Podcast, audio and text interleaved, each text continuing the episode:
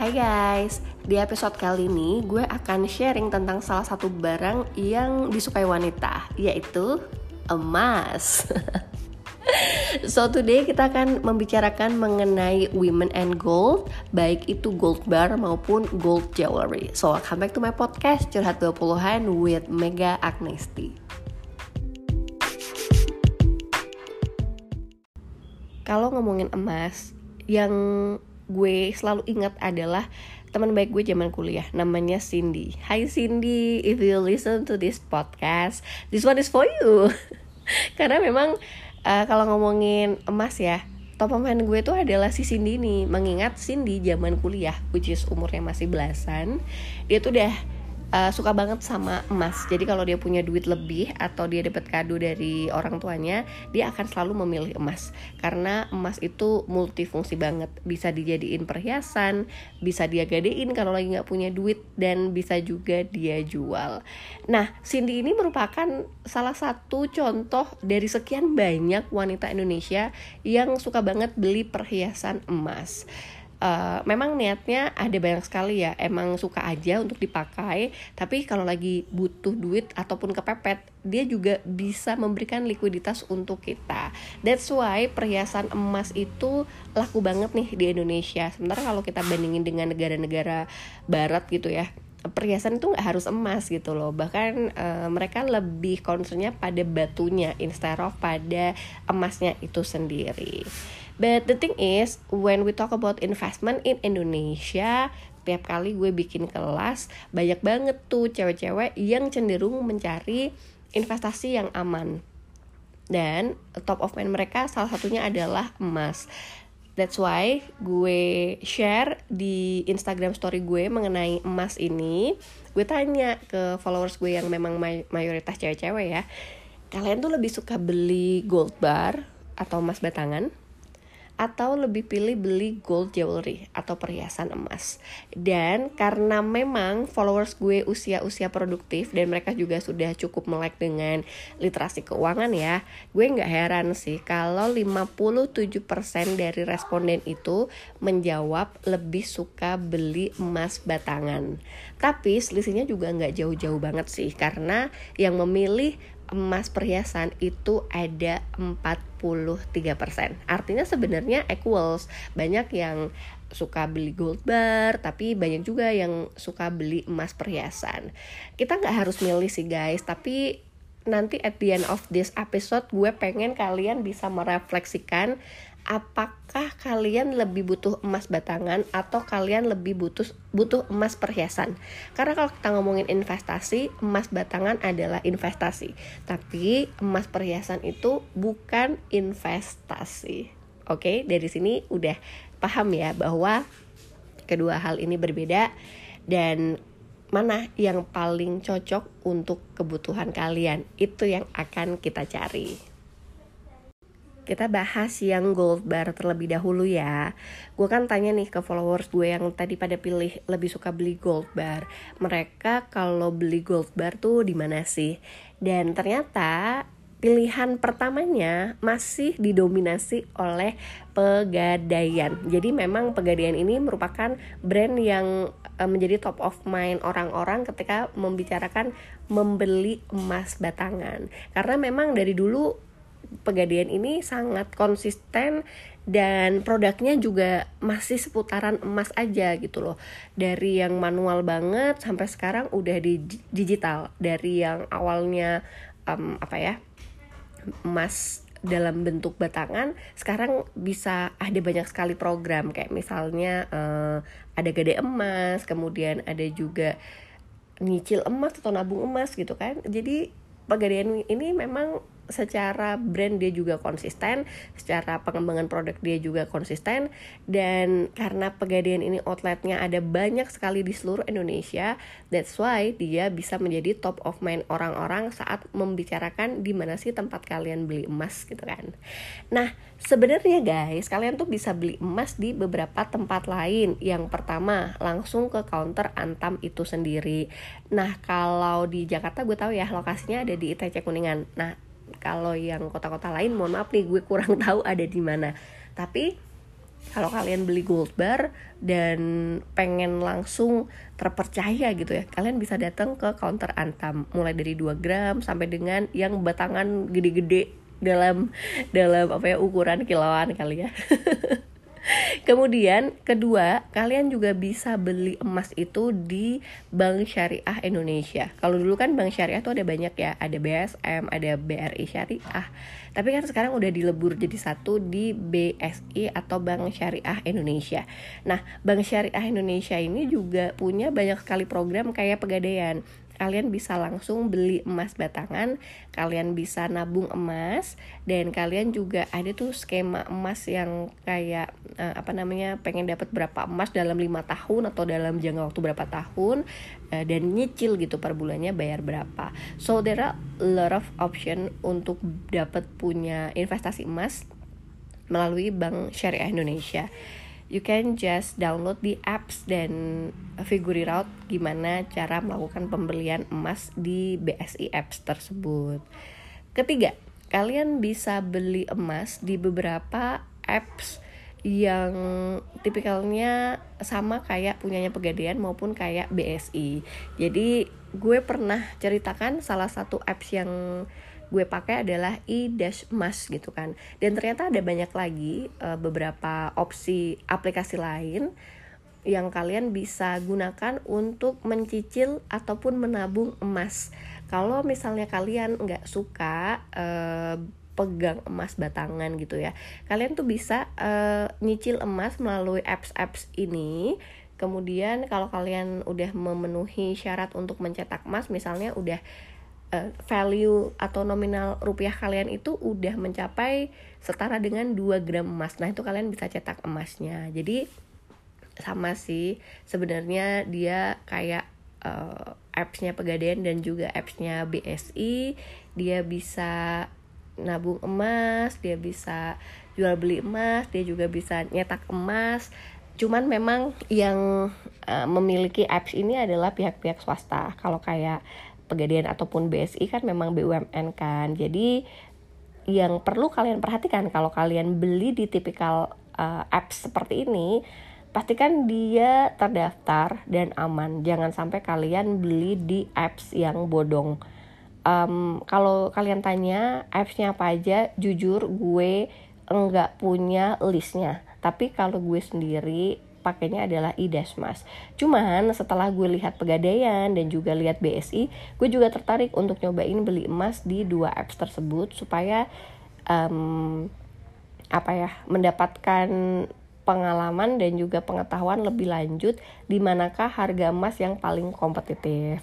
Kalau kemarin gue lihat sih Pegadaian masih kompetitif ya, tapi BSI juga not bad kok. Jadi kita bisa beli emas dengan beragam opsi tempat pembelian gitu. Dan harga emas itu beda kayak saham ya. Apa pun sekuritasnya harga saham selalu sama. Tapi kalau ngomongin emas harga emas di institusi satu dan institusi lain itu berbeda. Tapi juga bedanya tuh nggak akan jauh. Kayak beda lima ribu sepuluh ribu gitu loh. Tapi kan e, kalau kita duitnya terbatas ya sebaiknya emang nyari yang paling kompetitif kan. Dan sebab gue pengen nyobain beberapa apps tersebut gitu dan terakhir, kalau kalian mau beli emas batangan, sekarang ada banyak sekali sih toko-toko offline yang menjual kayak misalnya di daerah gue ini di Pati gitu ya. Ada salah satu uh, institusi keuangan yang dia melakukan jual beli falas sekaligus jual beli emas batangan. Tapi pastiin ya kalian harus menemukan toko yang terpercaya gitu. Jadi tadi kita udah ngomongin tentang orang-orang yang suka beli gold bar dan tempat belinya di mana. Nomor satu masih tetap pegadaian tapi saran gue kalian juga bisa mencoba tempat-tempat lain seperti langsung datang ke counternya Antam beli lewat BSI Bank Syariah Indonesia atau kalian juga bisa beli di apps-apps yang dikelola swasta seperti iDashmas atau kalian bisa beli di toko offline yang ada di kota kalian tapi pastiin ya bahwa toko tersebut memang terdaftar dan legal. Jangan sampai ketipu, apalagi untuk yang belum pernah pegang gold bar dari Antam. Takutnya kalian akan ketipu, yang dijual itu bukan gold bar Antam yang beneran, sehingga ketika ada kenaikan harga, gold bar kalian tuh nggak naik karena memang ternyata bukan gold bar Antam yang beneran gitu guys. Sekarang kita bahas tentang gimana caranya berinvestasi menggunakan emas batangan. Sebenarnya ada beberapa cara. Yang pertama, kalian bisa langsung beli emas batangan sesuai ukuran yang kalian inginkan. Jadi kalau ukuran emas itu ada yang 2 gram, ada 5 gram, ada 10 gram, ada 25 gram, ada 50 gram, ada juga yang 100 gram. Nah, kalian harus tahu hari itu harga emas tuh berapa. Kemudian ya tinggal dikalin aja gitu dengan ukurannya. Nah kalau kalian memang memiliki dana yang cukup beli emas batangan langsung kayak gini tuh bisa menjadi opsi yang baik. Kemudian abis itu kalian bisa simpen di safety deposit box yang ada di rumah. Ataupun kalau misalnya kalian memang uh, bisa nitip di bank bisa kalian lakukan tapi untuk beberapa orang yang tidak suka memegang investasi real secara langsung ya, kalian bisa melakukan metode yang disebut menabung emas dan juga ada yang menyicil emas. Perbedaannya hanya pada skemanya aja sih sebenarnya. Kalau menabung emas, berapapun uang kalian, kalian bisa langsung melakukan transaksi pada apps Misalnya, kalian lagi punya uangnya cuma 200 ribu. Kalian masukin uang tersebut ke dalam e-wallet yang ada pada apps beli emas itu tadi. Kemudian uang itu akan langsung dikonvert ke gramasi emas sesuai dengan harga jualnya saat itu. Jadi misalkan nih harga emas saat ini adalah 800 ribu kemudian kalian punya uangnya adalah 200 ribu maka ketika kalian melakukan transaksi yang mengkonvert uang rupiah kalian ke gramasi emas artinya ya udah tinggal 800 ribu dibagi 200 maka kalian akan dapat eh sorry sorry kebalik ya 200 ribu dibagi 8 jadi kalian akan dapat seperempat gram atau um, 0,25 gitu kan. Nah pada apps tersebut uh, uang kalian yang 200 ribu tadi akan langsung terkonvert ke 0,25 gram misalkan kalian pengen uh, mengembalikan uang sorry me, kalian butuh duit cash nih kan. Kalian kan perlu mengkonvert lagi ya gramasi emas kalian ke uang cash. Itu tuh bisa-bisa aja tapi beberapa apps ada kayak minimalnya gitu loh guys yang bisa di convert tuh berapa gitu kan. Jadi kalau misalnya kalian punya uang satu juta ditaruh di situ kemudian udah menjadi sekian gramasi emas maka kalian bisa langsung menjualnya dan dibalikin lagi menjadi uang cash. So, buat kalian yang dananya terbatas dan suka banget uh, kehabisan duit di akhir bulan, mungkin ini bisa menjadi opsi kalian. Cuman yang perlu diingat adalah emas itu bukan investment jangka pendek. Sehingga ketika kita membicarakan spread harga jual dan harga beli, most likely kalau kalian beli hari ini jual seminggu lagi, kalian rugi kalian beli hari ini jual bulan depan kalian rugi. Tapi kalau kalian beli hari ini dijualnya 2-3 tahun lagi bisa jadi kalian untung. So kalau misalnya tipikalnya kalian seperti ini gue uh, menyarankan kalian bisa nyicil dikit-dikit gitu kan nabung emasnya. Tapi nggak untuk langsung diambil-ambil ya. Karena kalau misalnya kalian butuh banget dana darurat bukan ditaruh di emas, tapi kalian bisa taruhnya di instrumen investasi lain seperti reksadana yang lebih stabil. Kalau emas ini spread harga jual dan harga belinya pasti akan membuat kalian rugi sehingga nggak cocok untuk ditaruh sebagai investasi dana darurat.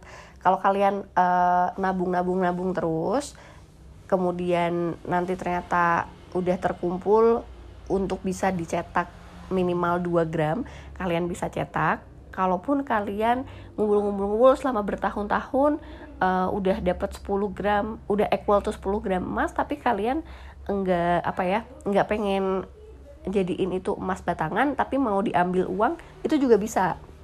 Dan ingat karena ini tuh bukan jangka pendek sehingga untuk convert kalian harus nunggu um, well minimal satu tahun lah supaya bisa harga spreadnya ini tadi harga jual dan harga beli bisa lebih tinggi harga jualnya. Jadi hati-hati guys karena kalau kita ngomongin investasi emas dia bukan investasi jangka pendek tapi investasi jangka panjang. Seringkali orang um, kelolosan di situ. Spread harga jual sama harga belinya justru malah bisa bikin dia merugi ketika berinvestasi pada emas tapi tapi kalau misalnya nih kalian kan emang cita-citanya punya 10 gram emas gitu ya. Tiap bulan kalian nabung nabung nabung. Tiap ada duit kalian nabung nabung nabung. Akhirnya itu dikonvert ke emas batangan uh, nilai gramasi emas kalian tuh udah equal to 10 gram kalian bisa langsung cetak tuh guys dari apps itu. Dan nanti emasnya bisa kalian ambil di kantor cabangnya uh, misalnya nih di Pegadaian atau di BSI kalian tuh bisa ambil emas batangannya di offline counternya mereka. Jadi lebih aman kan? Dan apa ya uh, nabung ini tuh menurut gue lebih fleksibel sih. Karena memang anytime lo punya duit lo bisa langsung convert ke emas. Dan ketika lo nyimpen. Dan ketika misalnya nih value emas lo udah di atas 5 gram atau 10 gram dan lo masih belum pengen nyetak ya nggak ada masalah masih aman-aman aja. Kalau lo pengen nyetak juga bisa. Mau lo simpan di rumah atau mau lo taruh di bank itu juga bisa. Intinya sih kalau gue mekanisme yang kedua ini jauh lebih simpel. Karena satu satu nggak harus langsung bayar cash saat itu juga dengan jumlah yang besar. Yang kedua nggak harus langsung dicetak jadi emas batangan jadi uh, lo nggak perlu space untuk nyimpen tuh emas. Dan yang ketiga anytime lo butuh emas itu ditarik atau duit itu ditarik kalian tetap bisa melakukannya. Tapi ingat sekali lagi emas bukan investasi jangka pendek. So please mind the spread price oke okay? ketiga ini yang disebut nyicil emas nah gue juga baru ngasih nyicil emas ini maksudnya gimana gitu nyicil emas itu uh, kalau di Bank Syariah Indonesia. Jadi dia uh, misalnya nih punya program 5 tahun untuk kepemilikan 100 gram emas. Untuk bisa mendapatkan 100 gram emas di akhir tahun kelima, lo harus nabung per bulannya berapa. The thing is, uh, gue nggak tahu harga itu di lock atau nggak, harga emasnya di lock atau nggak. Misalkan hari ini emas harganya 800 ribu Uh, kalau lo pengen punya 100 gram emas, maka lo kan harus nyiapin dana sekitar 80 juta ya kan. Di 80 juta ini dicicil apakah 8 apakah lock di harga 80 juta atau akan mengikuti harga emas di lima tahun lagi. Tapi kalau feeling gue ya, kalau gue lihat-lihat di skemanya sih yang ngikutin harga emas saat ini, intinya sih lo nabung untuk mencapai 80 juta selama lima tahun dan setelah itu nanti emas batangannya akan dikasih ke lo gitu. Jadi ini juga salah satu opsi untuk mereka yang pengen banget memegang uh, emas batangannya.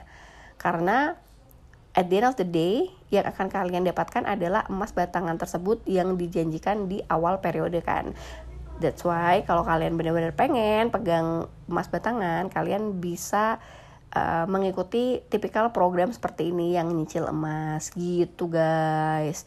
Nah keuntungannya memiliki investment di gold bar tuh apa sih?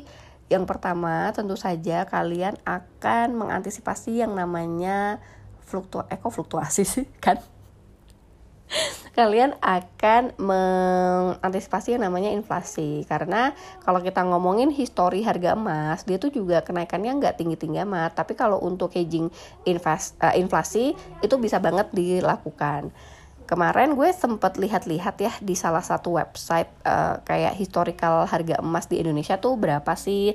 Ternyata memang seingat gue tuh 2014 kan gue udah mulai investasi di emas ya. Harganya tuh masih 400 ribuan kok. Dan bener nih menurut goldprice.org harga emas di tahun 2012 itu ada di sekitar 400 ribuan dan bahkan di tahun 2013an dia sempat turun ke harga 300an kayaknya waktu itu kalau nggak salah 380 390 pokoknya nggak jauh dari 400 ribu itu kan. Nah waktu gue masuk beli emas itu di tahun 2014 2016 gitu deh. Dan itu harganya masih naik turun di 400an sampai 500 cuman memang ketika tahun 2018 2019 gitu ya. Harga emas udah mulai memasuki angka 600 ribu sampai dengan 700 ribu. Dan begitu tahun 2020 waktu awal-awal corona kemarin crazy kan harga emas itu mencapai harga 800 ribu 900 ribu bahkan hampir menembus 1 juta. Tapi sekarang perlahan-lahan turun tapi memang turunnya nggak langsung drop ke angka 600 lagi tapi sekarang masih di angka yang cukup aman di 800 ribuan Nah guys, seperti yang tadi gue bilang, emas itu adalah investasi jangka panjang ya. Kalau misalnya kalian beli emas di tahun 2012 harganya 500 ribu, kalian kalau pengen untung ya tunggu dia uh, kejual di harga 550 atau misalnya 600 ribu. Which is kalau di masa itu untuk menunggu emas mencapai angka 600 it takes time. Like dari tahun 2012 harganya 500 baru di tahun 2018 lah dia nyampe ke angka 600 untuk meningkatkan 100 ribu aja kalian tuh harus nunggu 6 tahun guys. Cuman memang corona itu adalah sesuatu yang luar biasa sekali ya. Begitu eh, misalnya kalian pegang tahun 2012 ya emasnya misalkan harganya 500 ribu. Terus tiba-tiba di tahun 2020 emas harganya 950 ribu. Artinya kalian bisa mendapatkan keuntungan 450 ribu. Uh, sorry sorry. Eh bener gak sih? 500 dikurangi 950 ya kalian bisa dapat 450 ribu keuntungan dari satu gram emas aja. Of course itu sangat uh, menggiurkan ya tapi kalau misalnya kalian baru masuk emas di tahun 2020 itu salah timing banget karena emas lagi mahal-mahalnya dan most likely kalau kalian masuk di angka 950 sekarang emas 800-an udah pasti kalian rugi dong. Jadi emang harus menunggu agak lama lagi supaya emasnya naik ke angka 900-an atau ke angka 1 jutaan ke atas. Gitu guys. So balik lagi nih ke metode pembelian emas kalau gue pribadi gue lebih seneng yang nomor 2 yaitu nabung emas dengan nabung emas, gue punya flexibility kapan gue harus mencetak emas yang gue inginkan atau tetap disimpan aja di situ terus. Yang kedua, gue juga lebih simpel, nggak perlu nyimpen di rumah dan takut hilang. Bisa di situ dulu sebagai emas digital ya, belum jadi emas batangan beneran tapi nanti kalau gue butuh bisa gue ambil sewaktu-waktu nah kalau yang tipikal nomor satu kalau memang kalian punya duit banyak ya silakan aja langsung beli emas dalam bentuk gold bar seukuran yang kalian inginkan gitu. Tapi kalau misalnya kalian duitnya terbatas, tapi kalian pengen beli emas batangan, mungkin dengan nyicil emas skemanya jauh lebih mudah untuk kalian bisa mencapai uh, investment goals yang kalian inginkan. Lalu pertanyaannya, apakah investasi di gold bar atau emas batangan itu menguntungkan? Tentu saja menguntungkan, tapi memang emas itu bisa terlihatnya dalam jangka panjang. Nah, kalau kalian pengen memiliki investasi pada emas, objektifnya gini aja sih guys. Satu, uang kalian yang bentuk cash itu bisa di-convert ke dalam instrumen investasi yang lebih uh, apa ya? enggak terlalu sensitif terhadap inflasi. Jadi untuk antisipasi terhadap inflasi itu sendiri dan antisipasi supaya uang tunai kalian nggak dipakai untuk kayak don mulu gitu kan. Langsung dikonvert ke emas, which is kalau mau dicairin ke uang cash itu agak-agak ribet sedikit gitu kan. So ya yeah, uh, objektifnya untuk investasi di emas ada dua itu untuk antisipasi inflasi dan yang kedua supaya duitnya jadi harta beneran nggak habis untuk hedon-hedon. Yang selanjutnya objektif untuk investment di emas adalah memang uh, jangka panjang ya nyiapin misalnya dana pernikahan, dana pendidikan karena kan kalau kita ngomongin dana pendidikan biasanya untuk anak SMP gitu ya. Anak kita masih SD, kita masih punya waktu 6 tahun untuk kumpulin dana pendidikan anak kita yang SMP dan enam tahun itu lumayan lumayan lama untuk harga emas bisa naik gitu guys. Dan yang terakhir tentu saja investment melalui gold bar ini diharapkan lebih aman ya. Sehingga untuk tipikal investor yang uh, konvensional ataupun moderat, kalian bisa memilih emas ini sebagai salah satu instrumen investasi yang aman dan um, apa ya nilainya pun stabil sehingga kalian nggak akan takut uh, investasi kalian akan merah. Meskipun kalau misalnya kalian beli emas di harga 950 di tahun 2020 kemarin kali ini pasti uh, apa ya emas kalian sedang merah-merahnya gitu. But it's okay karena yang namanya investasi itu fluktuatif ya guys. Jadi hari ini bisa hijau, besoknya bisa merah dan bisa kayak gitu terus. Makanya kita jagain bahwa emas itu investasinya tipenya adalah jangka panjang. Nah, gimana kalau misalnya ada wanita yang lebih suka beli emas perhiasan dibanding emas batangan? Buat gue ya nggak ada masalah, karena kan itu menjadi preferensi masing-masing orang ya. Dia lebih suka beli gold bar ataupun gold jewelry. Tapi yang perlu diingat emas perhiasan itu bukan produk investasi. Karena yang namanya produk investasi harus memberikan bagi hasil. Atau paling tidak ketika lo ninggalin toko harga barang lo itu naik setelahnya bukan turun. Kalau kita membicarakan emas perhiasan kan gak gitu guys. Jadi misalnya nih kalian beli cincin harga 1 juta besok kalau kalian jual harga cincin itu meskipun harga emas lagi naik dia nggak akan mengikuti kenaikan. Jadi sertifikat emas yang kalian beli itu tadi akan ada harganya. Harga itulah yang digunakan sebagai rujukan dalam transaksi jual beli. Oh kalau misalnya ngomongin emas perhiasan ya ada potongannya itu sekitar 10 sampai dengan 25%. Jadi misalnya gue beli emas cincin harga 1 juta hari ini sebulan sebulan kemudian pengen gue jual. Harga emas lagi naik. Tetap aja yang akan digunakan harga acuan adalah harga yang ada pada sertifikat yaitu 1 juta itu tadi.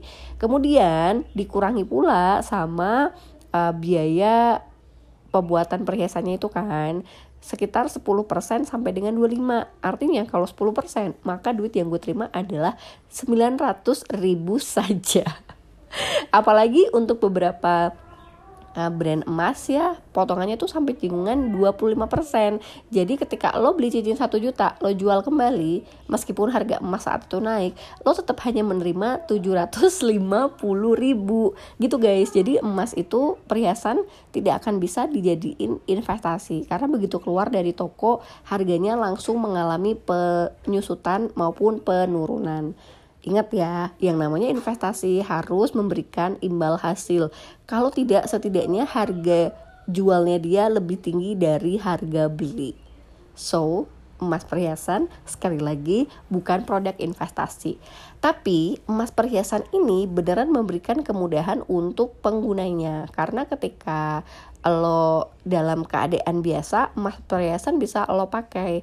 Kalau lo butuh duit, lo bisa gadiin emas itu untuk mendapatkan uang tertentu. Habis itu kalau lo udah punya uang lagi emasnya bisa lo tebus. Jadi lo nggak akan kehilangan emas lo tersebut. Dan yang ketiga ketika lo pengen jual ya lo bisa dapat uh, duit cash dari penjualan emas itu meskipun memang ada penyusutan. Rata-rata kalau orang suka uh, beli emas perhiasan itu memang karena emang mereka suka aja gitu loh. Ya kan? Namanya orang pakai perhiasan kan balik lagi ke preferensi gitu.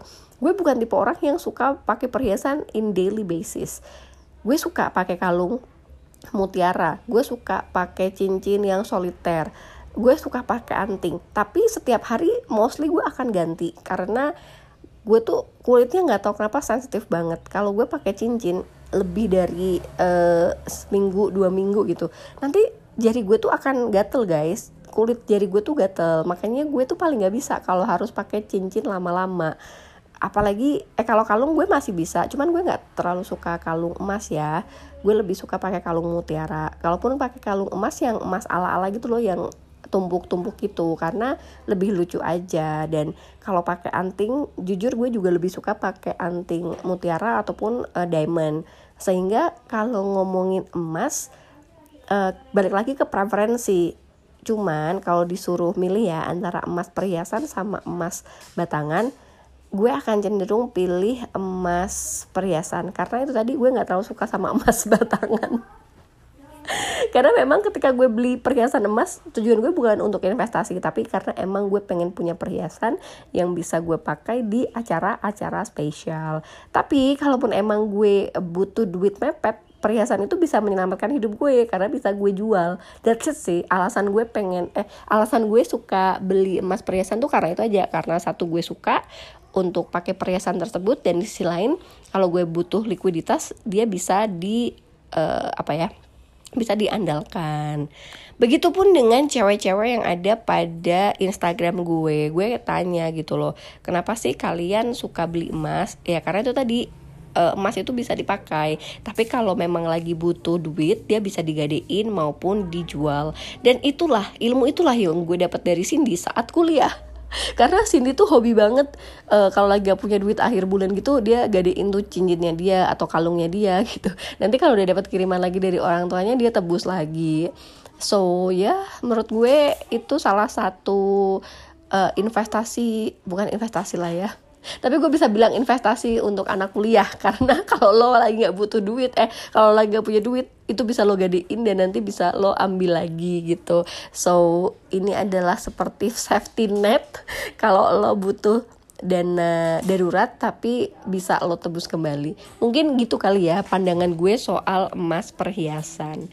Nah tapi banyak juga loh guys cewek-cewek yang beli emas perhiasan ini untuk self reward karena gue pun tipenya seperti itu misalnya nih kayak beberapa waktu yang lalu uh, gue beli emas perhiasan karena akhirnya gue berani untuk resign gue berani memulai usaha gue sendiri dan selama satu setengah bulan I live my best life karena gue bisa mendapatkan kebebasan waktu fleksibilitas bekerja dari mana aja uh, and so I feel like I want to rewarding myself gitu. Sehingga gue beli cincin soliter untuk gue pakai lagi. But then again gue tuh nggak bisa pakai cincin lebih dari satu minggu sehingga sekarang yang ada udah gue taruh aja gue simpen di tempat yang uh, aman. Karena memang gitu gue tuh gak bisa lama-lama pakai cincin. Dan misalnya nih mostly sih gue masih seringnya beli cincin ya. Karena kan untuk beli uh, emas-emasan atau perhiasan-perhiasan yang lain agak-agak costly. Sementara kalau ngomongin cincin tuh kan yang bisa dibilang paling murah gitu. That's why 55% dari responden juga lebih suka beli cincin dibanding perhiasan lain kayak kalung maupun gelang dan anting 27% nih orang lebih suka beli kalung, kemudian sisanya ada 18% yang uh, suka beli gelang maupun anting. Cuman memang kalau ngomongin yang list favorit adalah anting. Jadi gak terlalu banyak orang yang suka beli anting emas. Mostly kalau di umur-umuran gue sih ya berharapnya bisa beli anting yang tengahnya diamond gitu. Itu kalau dari pertemanan gue ya guys. Uh, mostly seperti itu. Sementara kalau cincin kan cincin emas itu ada variasinya macam-macam ya ada yang polos ada yang band terus ada yang uh, mata matanya di sekelilingnya atau cuma soliter satu ataupun bentuk macam-macam sehingga gue bisa bilang kalau cincin emas itu memang uh, menjadi favorit karena modelnya ada banyak sekali gitu. Sementara kalau kayak kalung sama anting sama gelang kan ya modelnya nggak jauh-jauh dari rantai atau dari bangles gitu kan. Kalaupun kalung juga biasanya yang berbeda adalah pendannya gitu kan. So ya yeah, of course 55% orang lebih tertarik beli cincin karena variasinya itu tadi. Dan ngomong-ngomong kan jadi kita ada lima ya. Jadi tempat untuk naruh tuh jauh lebih banyak gitu loh dibanding uh, yang lain-lain. Nah uh, ketika kita membicarakan pembelian emas kan ada warna emas tuh ada yang kuning ada yang putih sama ada yang rose gold ternyata untuk yang tipikal followers gue mereka lebih suka emas putih dibanding emas kuning karena 76% mereka memilih emas putih dan 23,999% memilih yang emas kuning serta 0,01% mereka milih rose gold. Mungkin karena rose gold ini warnanya masih belum terlalu populer ya di mayoritas orang sehingga ya masih emas putih yang menjadi prima donanya. Kalau ngomongin tentang emas perhiasan, uh, well um, emas perhiasan ini tuh serunya adalah lo bisa mewariskannya kepada uh, anak lo, kepada cucu lo nanti atau kepada yang cicit-cicit gitu kan. Ya, jadi kita mikirnya jangka panjang.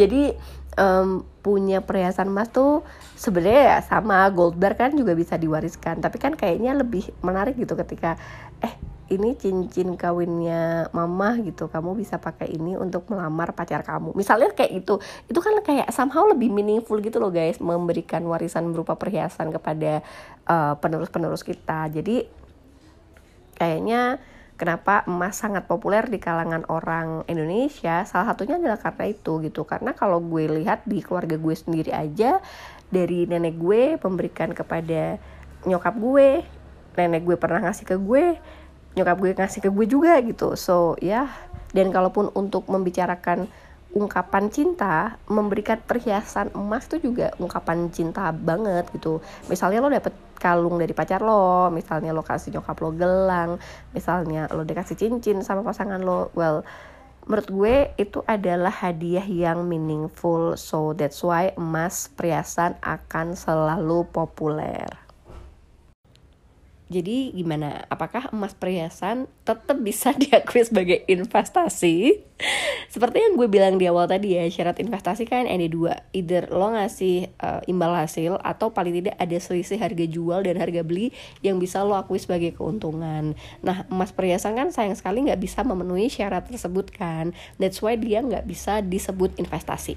Kalau memang lo mau investasi, lo belilah gold bar atau emas batangan. Tapi kalau lo memang ingin memiliki sesuatu yang multifungsi, emas perhiasan itu bisa lo jadiin opsi. Terakhir nih guys, gue pengen ngebahas tentang gimana cara menyimpan emas-emasan ini supaya lebih aman. Tentu saja kalau misalnya lo punya banyak sekali koleksi perhiasan emas maupun emas batangan, lo harus punya safety deposit box di rumah apalagi kalau misalnya emang itu udah banyak banget ya takutnya kan hilang takutnya diambil orang takutnya lo sendiri juga sled apa ya selebor apa sih? Takutnya lo juga reckless apa sih? Aduh pokoknya sembarangan gitu lah ya naruh-naruh barang-barang lo terus kececer terus hilang gitu. Itu sering terjadi banget soalnya. Nyokap gue tipikal seperti itu. That's why gue apal banget. Jadi belilah safety deposit box yang bisa lo taruh di rumah lo kasih password dan lain-lain gitu. Cuma nih kalau lo udah sultan banget dan punya banyak sekali gold bar di rumah itu kan nggak aman ya guys sebenarnya. Lo bisa titipin gold bar lo itu di safety deposit box yang ada di bank. Ada BCA ada Mandiri ada Niaga um, I don't know apakah di bank syariah tuh juga ada atau enggak. Nah, beberapa bank memiliki syarat bahwa yang bisa menitipkannya hanyalah nasabah-nasabah prioritas. Tapi ada juga bank yang nggak harus nasabah prioritas bisa menitipkan di situ harga sewanya lumayan murah start from 150 ribu tapi ada biaya-biaya lainnya kayak biaya apa ya jaminan dan lain-lain tuh bisa sampai sejutaan lah satu selama satu tahun gitu.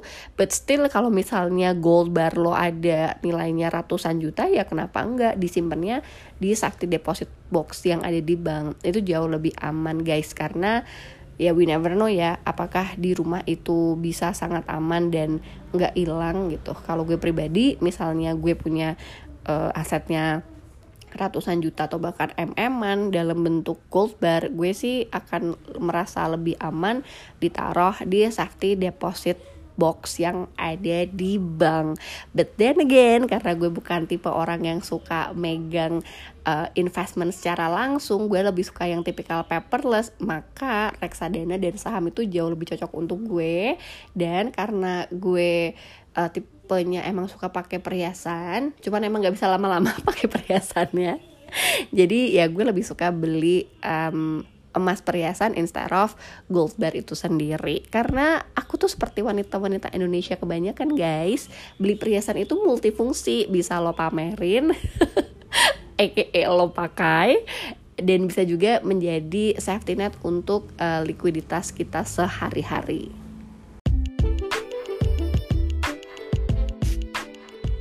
Demikian episode tentang women and gold. Mudah-mudahan bisa kasih kalian insight baru, pengetahuan baru, maupun ide-ide baru dalam berinvestasi. Wanita itu harus berdaya, jadi uh, mulai sekarang kalian harus lebih rajin dalam menyisihkan uang untuk investasi karena walaupun misalnya hari ini kita udah hidup nyaman kita kan juga tentunya pengen hidup nyaman seterusnya ya. So ya yeah, mulailah dari sekarang mulailah dari kecil dan be konsisten sampai ketemu lagi di episode selanjutnya guys. Bye bye